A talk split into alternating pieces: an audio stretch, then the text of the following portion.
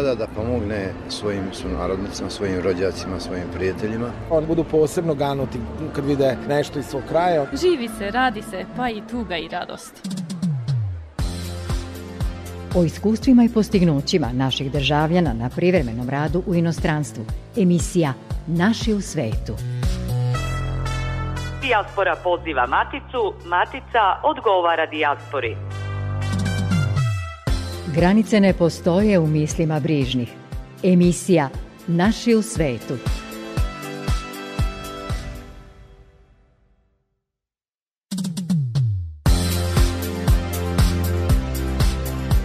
Dobroveče, poštovani slušaoci. Pratite emisiju koja govori o vezi matice sa svojim rasejanjem. U narednih 45 minuta pažnju posvećujemo emisiji naših kolega koja, poput ove naše, prati sunarodnike po svetu. Izložbom o stvaranju emisije Večeras zajedno sećamo se na mnoge one koji su zaslužni za poluvekovnu misiju te emisije na Radio Beogradu. Sa nama će biti i organizatori književne manifestacije koja se u Americi održava u čast naše književnosti i u čast beogradskog čitača. Sa vama su za tonskim pultom Dragan Vukmirović, a pred mikrofonom je Goran Pavlović. Emisija Večeras zajedno Radio Beograda 1 proslavila je nedavno 52 godine postojanja, a izložbom koja je juče otvorena u klubu RTS-a u Radio Beogradu predstavljeno je poluvekovno stvaranje te emisije u zemlji i rasejanju. Izložbu je posetio veliki broj medija, kolega i poštovalaca programa tog radija. Emisija Naši u svetu razmenjuje priloge i zapise iz Matice i Dijaspore sa kolegama iz Radio Beograda i tako putem solidarnosti, dva medijska javna servisa, sarađuju kako bi oplemenili program za sve naše slušaoce. Izveštaj sa izložbe i osvrt na program Dragi kolega počinjemo radijskom špicom koja je prepoznatljiva među slušaocima.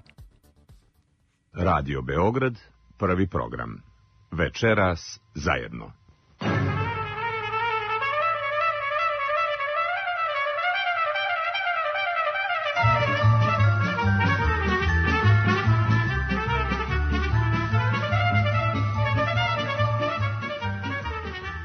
Ovo je program za vas koji živite i radite daleko od rodnog kraja.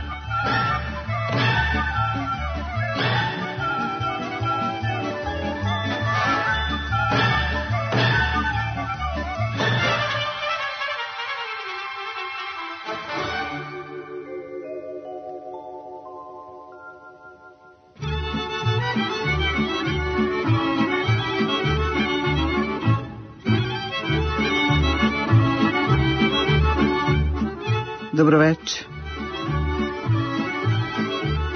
Dragi prijatelji i gosti, poštovane kolege. Ovo je izložba o jednoj radijskoj emisiji uz koju su generacije naših u tuđini provodile noći, mesece, godine i koja je pomagala da život u tuđini daleko od zavičaja bude lakši. Ovo je izložba o početcima emisije Večera zajedno i stotinama koncerata koje je ta emisija Radio Beograda organizovala u inostranstvu za Jugoslovene koji su tamo odlazili, kako se tada govorilo, na privremeni rad. Ovo je izložba o emisiji koja je podjednako bila slušana u inostranstvu i u zemlji i koja je najpre emitovana dva puta nedeljno, zatim pet puta nedeljno i na kraju i subotom šest puta nedeljno. Program petkom trajao je do ponoći. Sa nama je Gordana Gligorić, odgovorna urednica programa za inostranstvo Radio Beograda 1.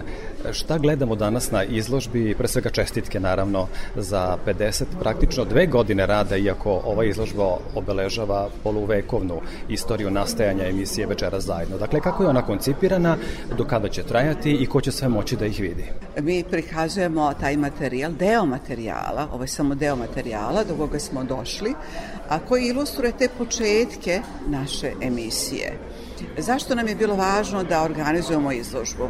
Da bismo došli do materijala koje nemamo u radijskoj dokumentaciji, a koje sve ove godine čuvao Ljubiša Levajac, koji je na čelu Jugotursa Frankfurt, našeg partnera u Nemačkoj za organizaciju tih koncerata. To je vreme 70. i 80. godina, dakle prve godine emisije, ona je nastala 70. i već 71. godine kreću koncerti.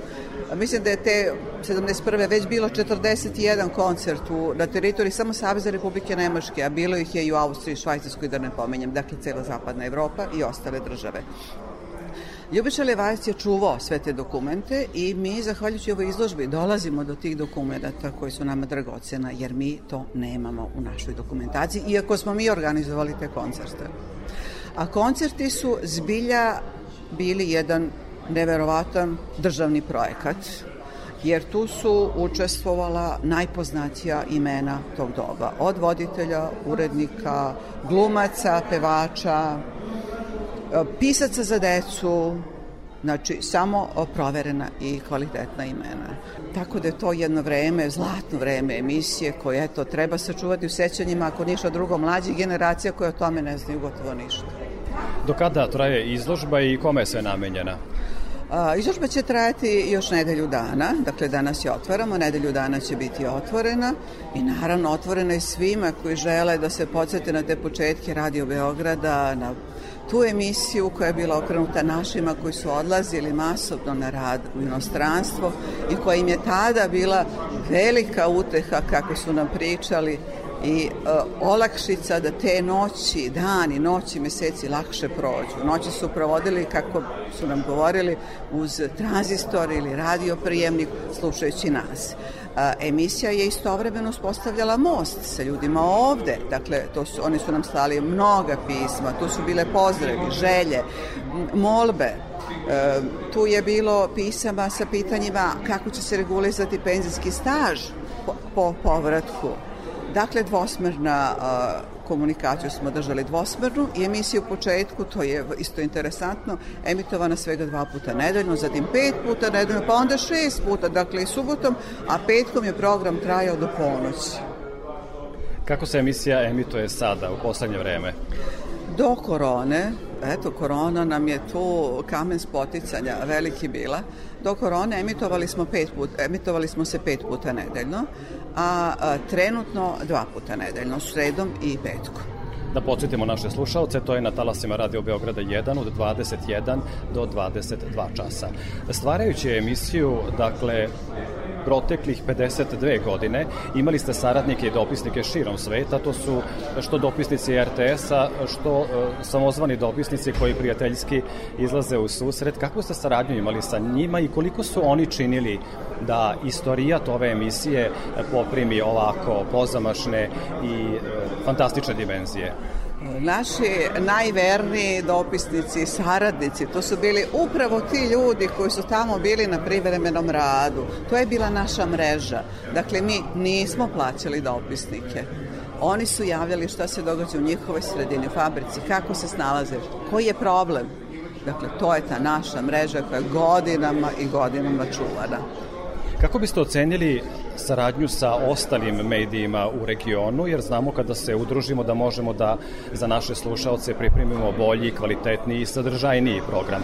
Kako biste ocenili e, te mostove, da tako kažem, saradnje? Jesu li oni u poslednje vreme na jednom zavidnom i profesionalnom nivou ili bi mogli da se unaprede? I koliko su oni pomogli da ova emisija dobije, dakle, jedan takav specifičan kvalitet koji traje pola veka? Ja mislim da je saradnja vrlo dobra i da smo tu saradnju uspostavili zapravo mi, ja, vi kolega, dakle ove novije generacije kada je reč u regionu, jer emisija je do raspada Jugoslavije bila okrenuta dijaspori. Znači, tek sa raspadom Jugoslavije mi se okrećemo i regioni, dakle, to su te nove mlađe generacije urednika i voditelja koji su morali da uspostavljaju te veze. E, ja mogu samo da kažem dobre reči, znači, apsolutno sjajno imamo saradnju sa srpskim zajednicama i u Sloveniji, i u Makedoniji, i u Crnoj Gori, da ne pomenjem Radio Republike Srpske, a sa vama je svakodne, ma, svakoj nedeljne saradnja, dakle petkom, da se redovno čujemo i razmeljujemo priloge. Sa nama je Gordana Gligorić, urednica i autorka emisije Večeras zajedno, praktično i pretpostavljeno lice za program za inostranstvo Radio Beograda 1. Vi ste kao svojevremeni i svojevrsni radijski istraživač, odnosno novinarski istraživač, vrlo često išli, kao i mi u ostalom iz emisije Naše u svetu Radio Novog Sada, o uspesima i sudbinama naših ljudi u svetu. Kakav vi kao istraživački novinar praktično stičete utisak sa kojim se najčešće problemima suočavaju ti ljudi koji odu daleko od svog kraja? Koji je vaš utisak? Da, problemi se menjaju. Sada i u svetu dominiraju mlađe generacije, znači ljudi koji su obrazovani, koje mi pokušavamo na svaki način da privežemo za našu emisiju, mada još uvek imamo te starije, dakle treću, četvrtu i, i negde i petu generaciju dakle oni koji su otišli pa njihove generacije. Sada su mlađi, problemi su se promenili, njihovi su problemi vezani za to kako će se vratiti, mnogi razmišljaju o povratku, kako da im pomognemo, koje su to komunikacije, tako da u tom pravcu razmišljamo u poslednje vreme. U studiju Radio Beograda sa vama su večeras Snežana Stanojević, Bojana Tufekđić, Predrag Urošević, Saša Hajdin i Gordana Gligorić.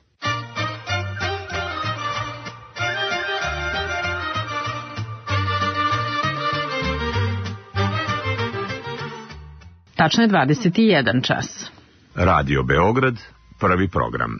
Večeras zajedno. Domovina se brani lepotom i znanjem. Biće to neki motiv večerašnje emisije. Na 17. Međunarodnom festivalu Čembalo živa umetnost nastupila je i moja večerašnja sagovornica Bojana Dimković koja je živela i školovala se u Londonu.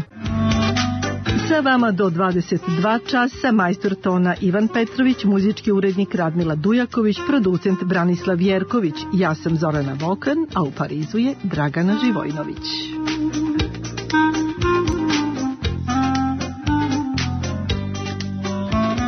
Dragana Živojnović, takođe je urednica i voditeljka emisije Večeras zajedno koja se emituje na radio Beogradu 1. U toj redakciji je 20 godina.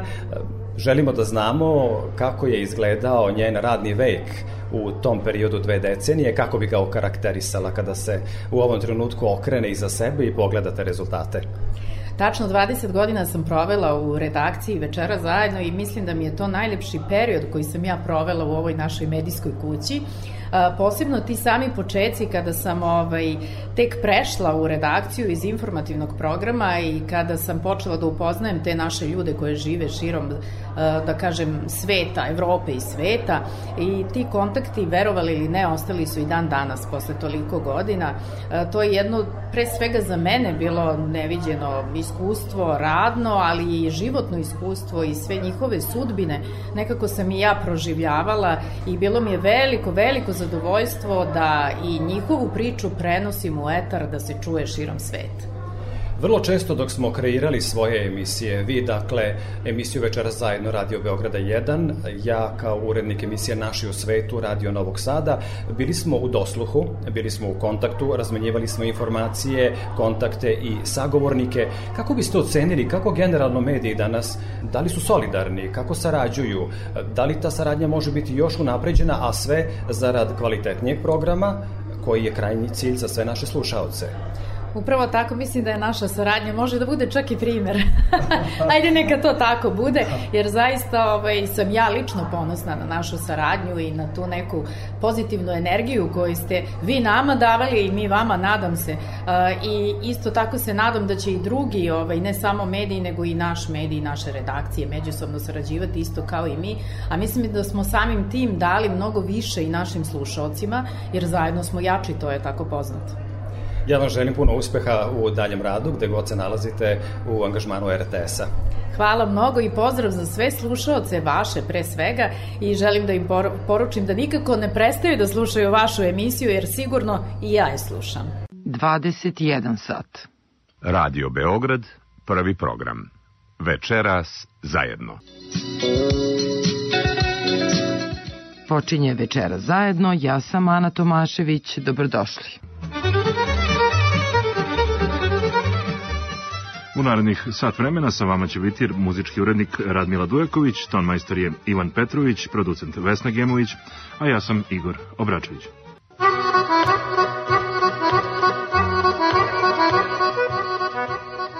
Dragi zemljaci, dragi zemljakinje, dragi zemljačići, večera smo opet zajedno. Ko nekad u osam. onog starog petka, onog 8. maja 1970. godine, kada smo se upoznali, pa ubrzo potom, mogu slobodno da kažem, postali zavisnici redovnih susreta na talasima Radio Beograda. Poštovani slušalci, upravo ste čuli Branislava Baneta Cvetkovića, prvog u to vreme i jedinog novinara emisije Večeras zajedno, koji je ovako pozdravljao naše zemljake još od 8. maja 1970. godine.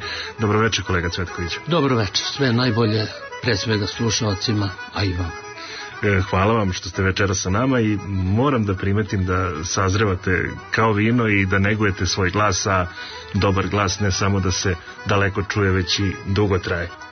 Žarko Obračević je poznat muški glas na talasima radio Beograda 1, unazad slobodno možemo da kažemo nekih 50 godina. Njegov sin, Igor Obračević, koji je takođe u emisiji Večeras zajedno i voditelj i autor i u poslednjoj istoriji par godina deo je te ekipe.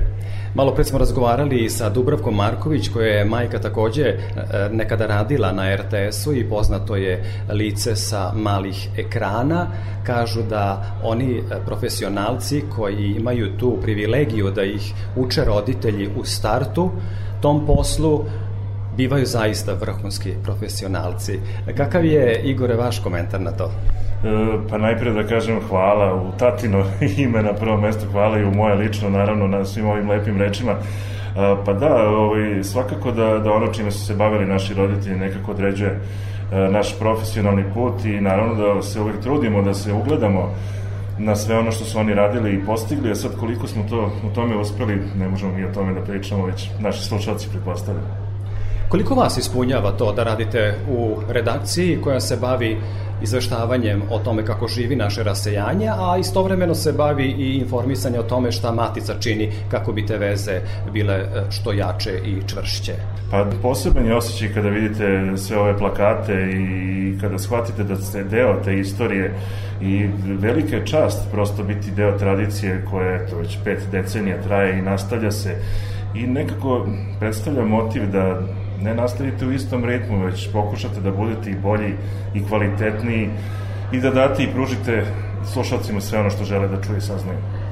Da, izložba povodom 50 godina stvaranja, dakle poluvekovnog stvaranja emisije Večeras zajedno Radio Beograda 1 okupila je ljude ovde u klubu RTS-a u Radio Beogradu. Lepo je videti sve te ljude koji su među nama još uvek i koji su činili tu emisiju kroz vreme na šta nas oni svojim profesionalizmom i oni koji su među nama i onih koji više nema, a slušamo ih odloženo, na šta su nas obavezali, Igore? E, pa svakako, možda će se ponoviti, ali svakako nas obavezuju na kvalitet. Upravo zbog njihovog kvaliteta i upravo zbog svega onoga što su oni učinili u svom radnom veku, e, prosto ne smemo da ih izneverimo, je tako? Moramo da damo svoj maksimum i da budemo na onom nivou svojih limita, da kažem, a da opet pružimo sve to što su i oni pružili nama. Kada vam kažem uspešan naš čovek u svetu, šta je vaša prva asocijacija? Evo, svi naši ljudi. Svi naši ljudi definitivno. Imao sam prilike, zahvaljujući emisiji večeras zajedno, da eto, zaista dosta proputujem, upoznam mnogo kvalitetnih ljudi i prosto ne mogu da izdvojim jednu osobinu ili jedan karakter čoveka, prosto svi oni su dragi i svako je posebno na svoj način, ali opet je naš i to je ono što je najvažnije.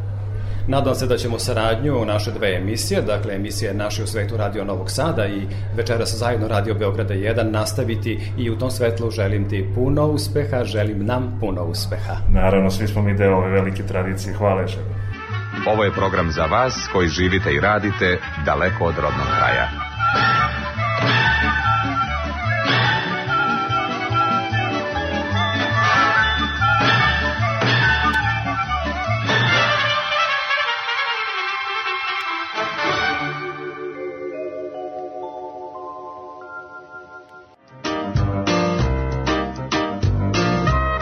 Studiju Radio Beograda ton majstor Miroslav Antonijević. Muzički urednik Ilija Ika Pavlović.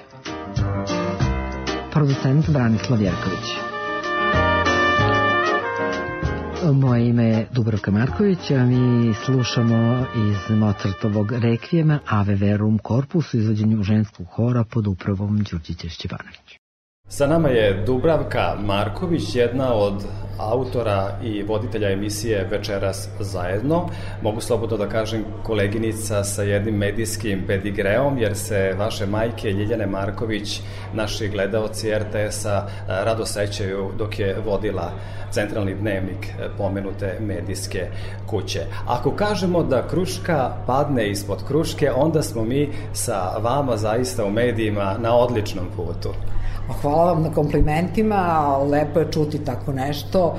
Ja do duše sam uvek radila drugu vrstu posla u odnosu na majku i na televiziji i na radiju, a sad mi je prosto zadovoljstvo što sam u ovoj emisiji večera zajedno.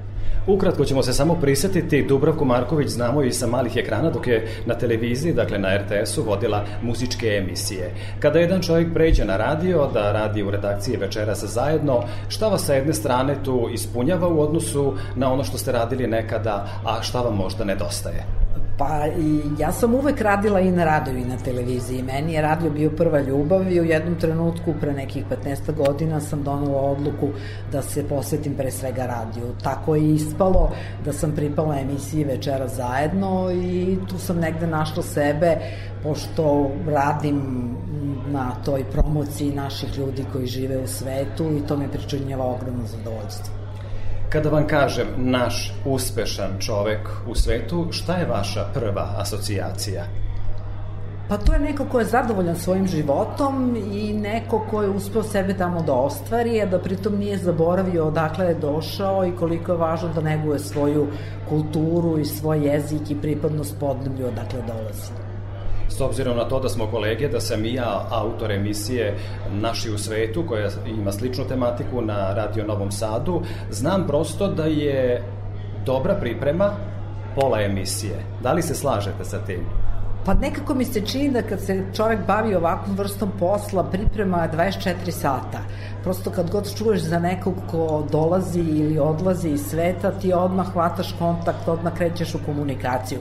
Tako da je priprema bukvalno nešto što čini čitav život i to je ono što je lepo kada je u pitanju ovaj posao. Zbog čega vas ispunjava e, baš rad na emisiji večeras zajedno Radio Beograda, jedan koja se, da podsjetimo naše slušalce, emituje sredom i petkom od 21 čas i može odloženo da se sluša na sajtu RTS-a na planeti. E, jeste, može i odloženo da se sluša, pa ne znam, prosto mene ispunjava radio kao medij onda ova emisija u ovom trenutku negde meni daje punu slobodu u izboru sagovornika, u razgovoru sa njima, tako da mi je prosto to nešto što mi baš prija da radim. Želim vam puno uspeha i evo kao kolega obećavam da ćemo zajedno biti bolji, snažni i sarađivati dokle god nas radna sposobnost služi. Hvala najlepše i nadam se da će saradnja biti obostrana. Naš cilj i mene lično kao sadašnjeg urednika programa za inostranstvo da organizujemo ovakvu izložbu bio je naravno da obeležimo jubilej i da to iskoristimo za druženje, ali i da dođemo u posed plakata, dokumenta i fotografija o koncertima koje smo organizovali u to vreme, vreme 70. i 80. godina prošlog veka, a koje nemamo u dokumentaciji Radio Beograda. Ovde je izložen samo deo tog materijala do koga smo došli. Novije fotografije su novijeg datuma, o nekim našim gostovanjima i nekim od brojnih gostiju emisije koja je danas, osim dijaspore, okrenuta i Srbima u regionu. Želim da se posebno zahvalim Jovanu Smiljanskom za dizajn i grafičku obradu i Vojislavu Kajganiću, producentu, za ogroman trud u pripremi izložbe. Generacije voditelja, urednika, muzičkih urednika, organizatora i naravno majstora tona ovom prilikom neću pominjati, jer spisak bi bio predug. Zdravo živo zemljaci širom planete, dobroveče Srbijo. U okviru Radio Mosta sa Radio Novim Sadom i emisijom Naši u svetu.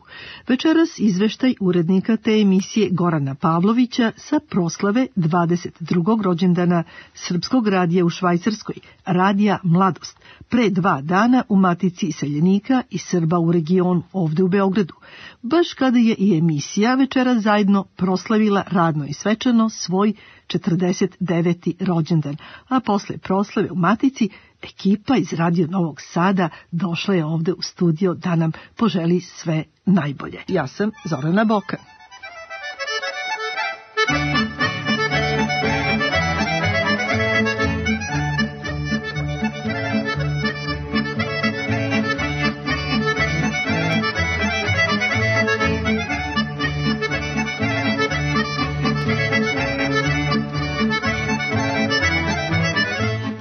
21 čas, ovo je emisija Večeras zajedno. Ne, ovo je emisija Naši u svetu, Radio Novog Sada, a prethodne reči govorila je moja koleginica, donedavno voditeljka i autorka emisije na čijoj se izložbi povodom 52 godine rada i nalazimo, to je koleginica Zorana Bokan.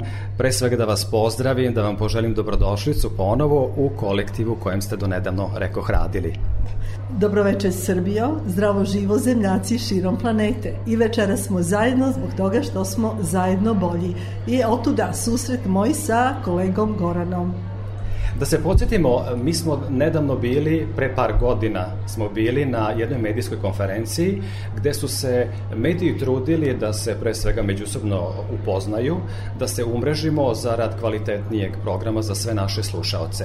I reklo bi se da je taj susret značio jednu dugogodišnju saradnju koja sa Radio Beogradom traje i dan danas. Dakle, emisija Naši u svetu Radio Novog Sada i večera zajedno Radio Beograda 1 razmenjuju priloge i sadržaje e, do sada. Kako Kako biste vi ocenili tu saradnju? Sećate se, svakako niste se davno penzionisali. Penzija reč koju ne volim, ali moram da priznam realnost. Ali ja se tako i ne osjećam. Ja osjećam da je to zapeta u mojoj karijeri. Ali hoću da kažem, ta saradnja je bila jednom rečju nezaboravna, veoma uspešna, jer je bazirana bila na bezuslovnoj ljubavi i poštovanju kolega, vas iz Novog Sada i nas iz Beograda. Kada ste bili u kontaktu sa slušaocima emisije Večeras zajedno kroz vreme, kakav utisak stičete, šta ih najviše mori u tuđini? more ih žal za zavičaj, mada to možda mnogi neće svesno sebi da priznaju, ali znate šta, drugačiji je vazduh u Srbiji. Nisu džabe popularne one pesme bile most do moga zavičaja, nema raja bez rodnog kraja. Ja sam volila da insistiram na tim pesmama da baš probudim onaj njihov unutrašnji glas koji nisu hteli da priznaju malo zatrpani nekim lagodnijim životom u tuđini. Hvala vam lepo, želim vam uspeha čime god da se dalje bavite u životu, Zorana. Hvala vam lepo, Gorane. Ja vidim da ćete se vi baviti još nekim važnijim poslom, možda čak da budete neki konzul u dijaspori, eto, to vam želim. Lepe želje, vidjet ćemo da li će se i ostvariti. Nasmijao sam se, ako ništa drugo, bar smo se večeras lepo zabavili. Da. Hoće, hoće, meni se tako ponekad javlja nešto lepo. I kad mi se javi, je moram da kažem. Hvala vam najlepše još jednom i svako dobro. Hvala i vama. Veliki, veliki, ma možda najveći mogući pozdrav slušalcima Radio Novog Sada. Inače, Novi Sad je moj divni, omiljeni grad. Večeras zajedno. Beti Đorđević je tada bila među mlađim učesnicima koncerata Radio Beograda i emisije Večera zajedno, širom Evrope. Pozivam je da nam ispriča čega se seća iz tog perioda. Evo, ja sam jedna od učesnika te davne 77. godine u, na turneji po zapadnoj Nemačkoj. Bilo je to sjajno, jedno predivno iskustvo i životno, a naravno i, i poslovno. Uh, uvek se rado set, setim toga i ostalo mi je u jako lepoj uspomeni uh, sve ono što se događalo tih tih predivnih, ja mislim, jedno dvadesetak dana po zapadnoj Nemačkoj. Obišli smo puno velikih gradova, bilo je to sjajna ekipa um, iz one Jugoslavije, naravno puno, puno učesnika, puno divnih umetnika. I ovo je predivno da se to podsjetimo jer su bila neka vremena kad se sve nekako lakše i lagano moglo i putovati i organizovati sve ovakve turneje. Danas je malo sve to drugačije ili ja možda grešim. Ali u svakom slučaju, eto, to su bili početci moje karijere. Sami 76. sam učestvovala na Beogradskom proleću sa sada već čuvenom kompozicijom počnimo ljubav iz početka. Naravno da sam i na toj turneji pevala tu istu kompoziciju, toga se jako dobro sećam. I eto, to bi bilo to. Hvala najlepše, hvala puno, prijatno. Kaže pesma Those were the days my friend. We thought they never end. We sing and dance forever and a day. We live the life we choose. We find and never lose. Those were the days. Oh yes, there was the days. Malo i pesmom. Hvala najlepše.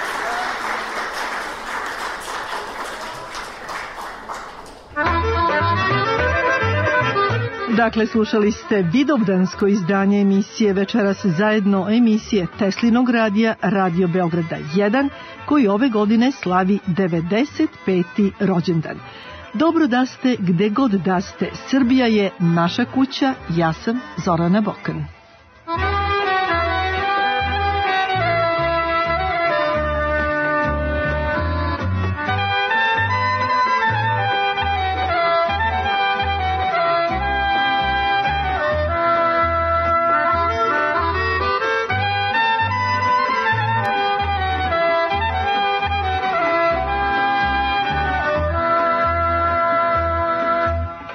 Emisija Naši u svetu.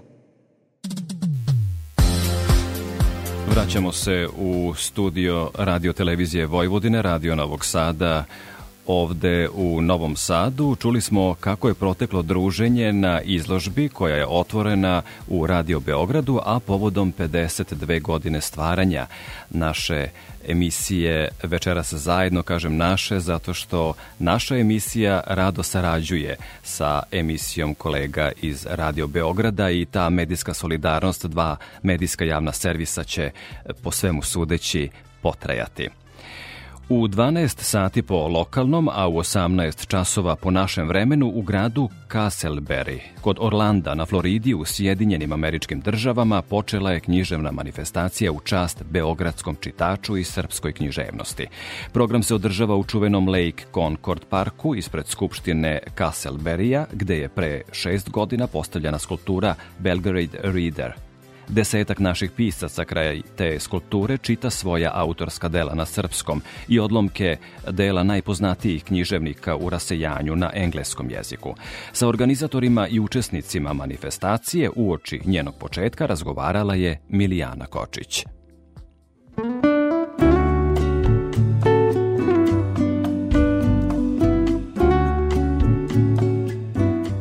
Sa nama je Ilija Šaula, osnivač književne radionice Kordun i književnog SNAF-a i jedan od inicijatora književne manifestacije koja se upravo dešava u gradu Castleberry na Floridi. Ilija, dobar dan, dobro nam došli u emisiju.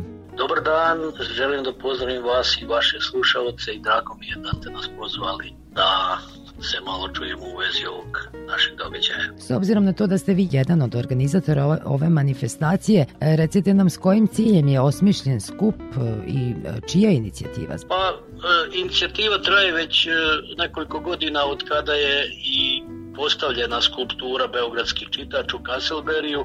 Međutim, sami znate da ova korona koja nam se dogodila posljednje dve, dve godine je mnogo, mnogo sprečila da to ne uradimo, ali zato smo dobro pripremljeni sada da krenemo sa inicijativom okupljanja autora oko Beogradskog čitača ovdje na Floridi, u okolini Orlanda, jednom lepom gradiću Castleberry, e, prosto sa ciljem da bi e, to preraslo u tradiciju i da bi to e, bila manifestacija koja ne samo da bi okupljala autore, nego i bolje povezala književnost i kulturu dviju država, Sjednjemečkih država i Srbije, jer često znam, a, čujemo i, a i vidimo u razgovoru sa našim građanima da takvih sadržaja nedostaje i da su u stanju da podrže takve manifestacije a, koje okupljaju umjetnike, književnike i da bi na taj način što lakše se došlo do našeg stvaralaštva iz matice, a i nas u rasejanju, jer to prosto nedostaje taj sadržaj, taj efekat, bez razlike koliko je internet razvijen i koliko a, knjiga danas može da putuje, ali ipak a, osjećaj a, da imate nekoga tu pored sebe na licu mesta i da možete doći do naših naslova ili da vam budu ponuđeni na raznim svečanostima i manifestacijama, to je onda sasvim, sasvim drugačije. To je cilj i namera okupljanja oko beogradskog čitača, a beogradski čitač je to simbol je tog našeg grada, a i predstavnik srpske književnosti u ovoj velikoj zemlji. Ove godine okupit će se najmanje e, desetak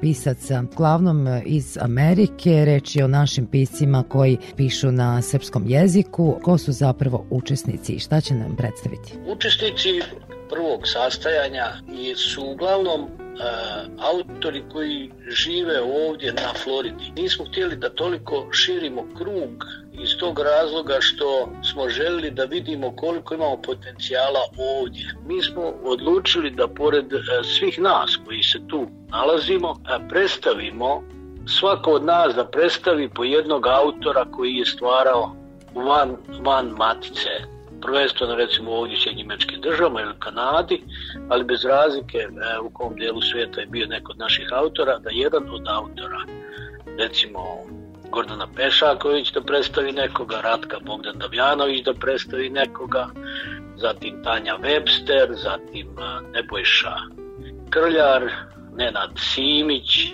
moja malenkost. Eto, e, to je otprilike ideja Tu će biti jedan izvestan broj naših građana koji se okupaju oko naše Srpske pravoslavne crkve tu u Orlandu, a bit će i predstavnici lokalnih vlasti, zatim će biti predstavnici art kuće, kuće umjetnosti Kasselberija i bit će predstavnici univerziteta koji je podržao uh, univerziteta Hersing koji je podržao inicijativu Beogradski čitač. Tako da smatramo da prisustvo svih nas na neki način će dati pečat tom tim prvim susretima i sigurno vjerujem da će biti želja svih prisutnih da taj događaj postane tradicija i da već iduće godine imamo okupljen vrlo lep i zanimljiv broj autora, kako ste vi rekli, iz čitavog sveta.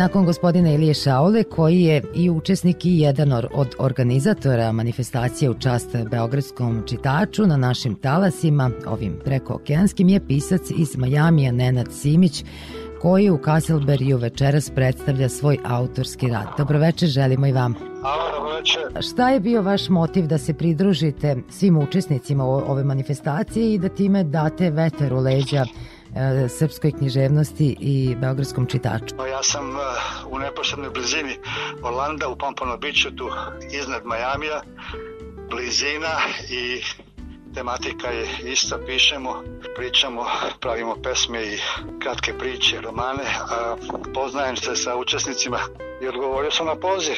Evo, radujem se prvi put mi se dešava tako nešto da, da, se, da se družim sa stvaravcima iz dijaspore. Kako vam se čini ta ideja? O, divno, divno, odlično. To, ta ideja samo može kad se skupe na jednom mestu više stvaralaca, samo da rodi no, nove akcije, nove ideje i samo može biti bogatija ponuda za našu čitalačku publiku. E, kao nekadašnji sportista, teniski trener i bokserski studija, e, sudija, verovatno ste najponosniji na bestseller koji se tiče tenisa, ali pretpostavljam da ste za ovu manifestaciju odabrali da predstavite svoje ostala dela, priče i pesme. Da, svakako. Za ovu manifestaciju sam odabrao jednu priču upravo koja se ti, je naše tematike, naše nostalgije koju nosimo i čuvamo u, u sebi, živeći u, u dijaspori, sticam okolnosti. Tako da imam jednu pričicu, e, zove se Slatko od višanja.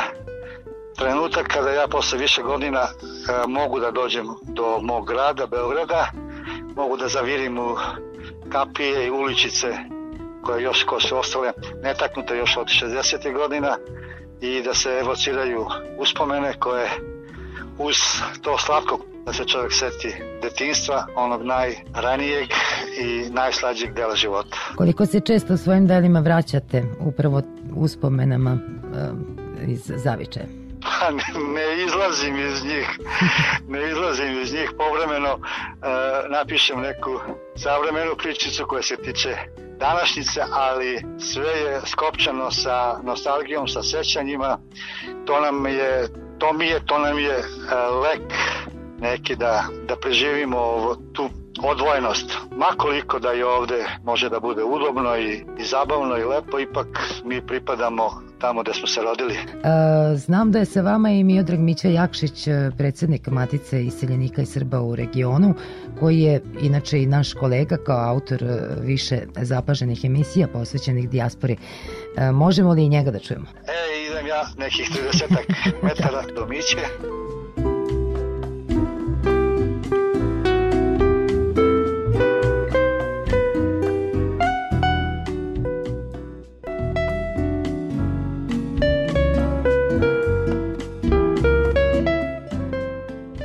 E, dobar dan, odnosno dobroveče, Mićo, vam želim. Dobroveče. Kod da. nas je kišovito i hladno ovih dana, ali vi ste sad na lepše mesto iz Beograda, ste se uputili tragom beogradskog čitača. Bili smo u prilici Jeste. i od gospodina Simića i od uh, gospodina Šaule da čujemo ko će učestvovati, kakva je sama ideja programa, a vas pitam kakva je budućnost Aha. beogradskog čitača prema vašim željama i planovima s obzirom na to da ste i deo organizacije ove književne yes. manifestacije, uh, a i da ste od samog početka, kad je reč još od onoj, onoj prvoj skulpturi Beogradskog čitača yes. u Čuborskom parku, bili tu. Da, jeste, ja sam, da, ja sam od početka uz Beogradskog čitača, smatram da je to jedna uh, značajna inicijativa koja je dobila svoje otelotvorenje time što su postavljeni spomenici e, Beogradskom čitaču, ali ono što je važno to je da se nastavi sa tim i da se kraj tih spomenika, u slavu tih spomenika ovaj, održavaju manifestacije, to činimo često u Beogradu u Čuburskom parku od prvog spomenika Beogradskom čitaču, a evo želja nam je da i ova naše okupljanje na Floridi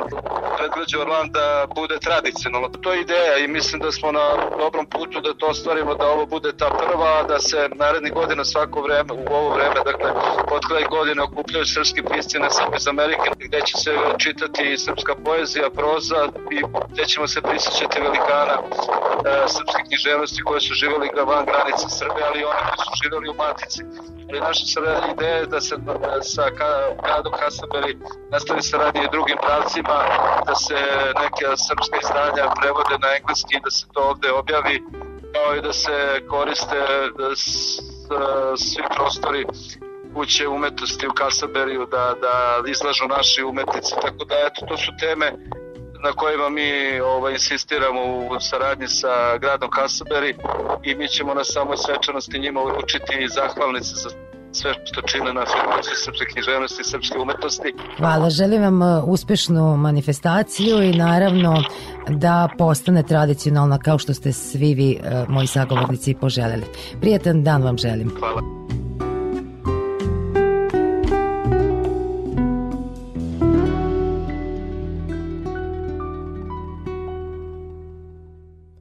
Emisiju Naši u svetu završavamo informacijom koju su objavili mnogi svetski mediji. Čuveni srpski futbaler, bivši reprezentativac i selektor Siniša Mihajlović preminuo je u bolnici u Rimu u 54. godini. Mihajlović je bio legenda i deo zlatne generacije Crvene zvezde koja je osvojila titulu prvaka Evrope 1991. godine. Za reprezentaciju Jugoslavije odigrao je 63 utakmice i postigao 10 golova.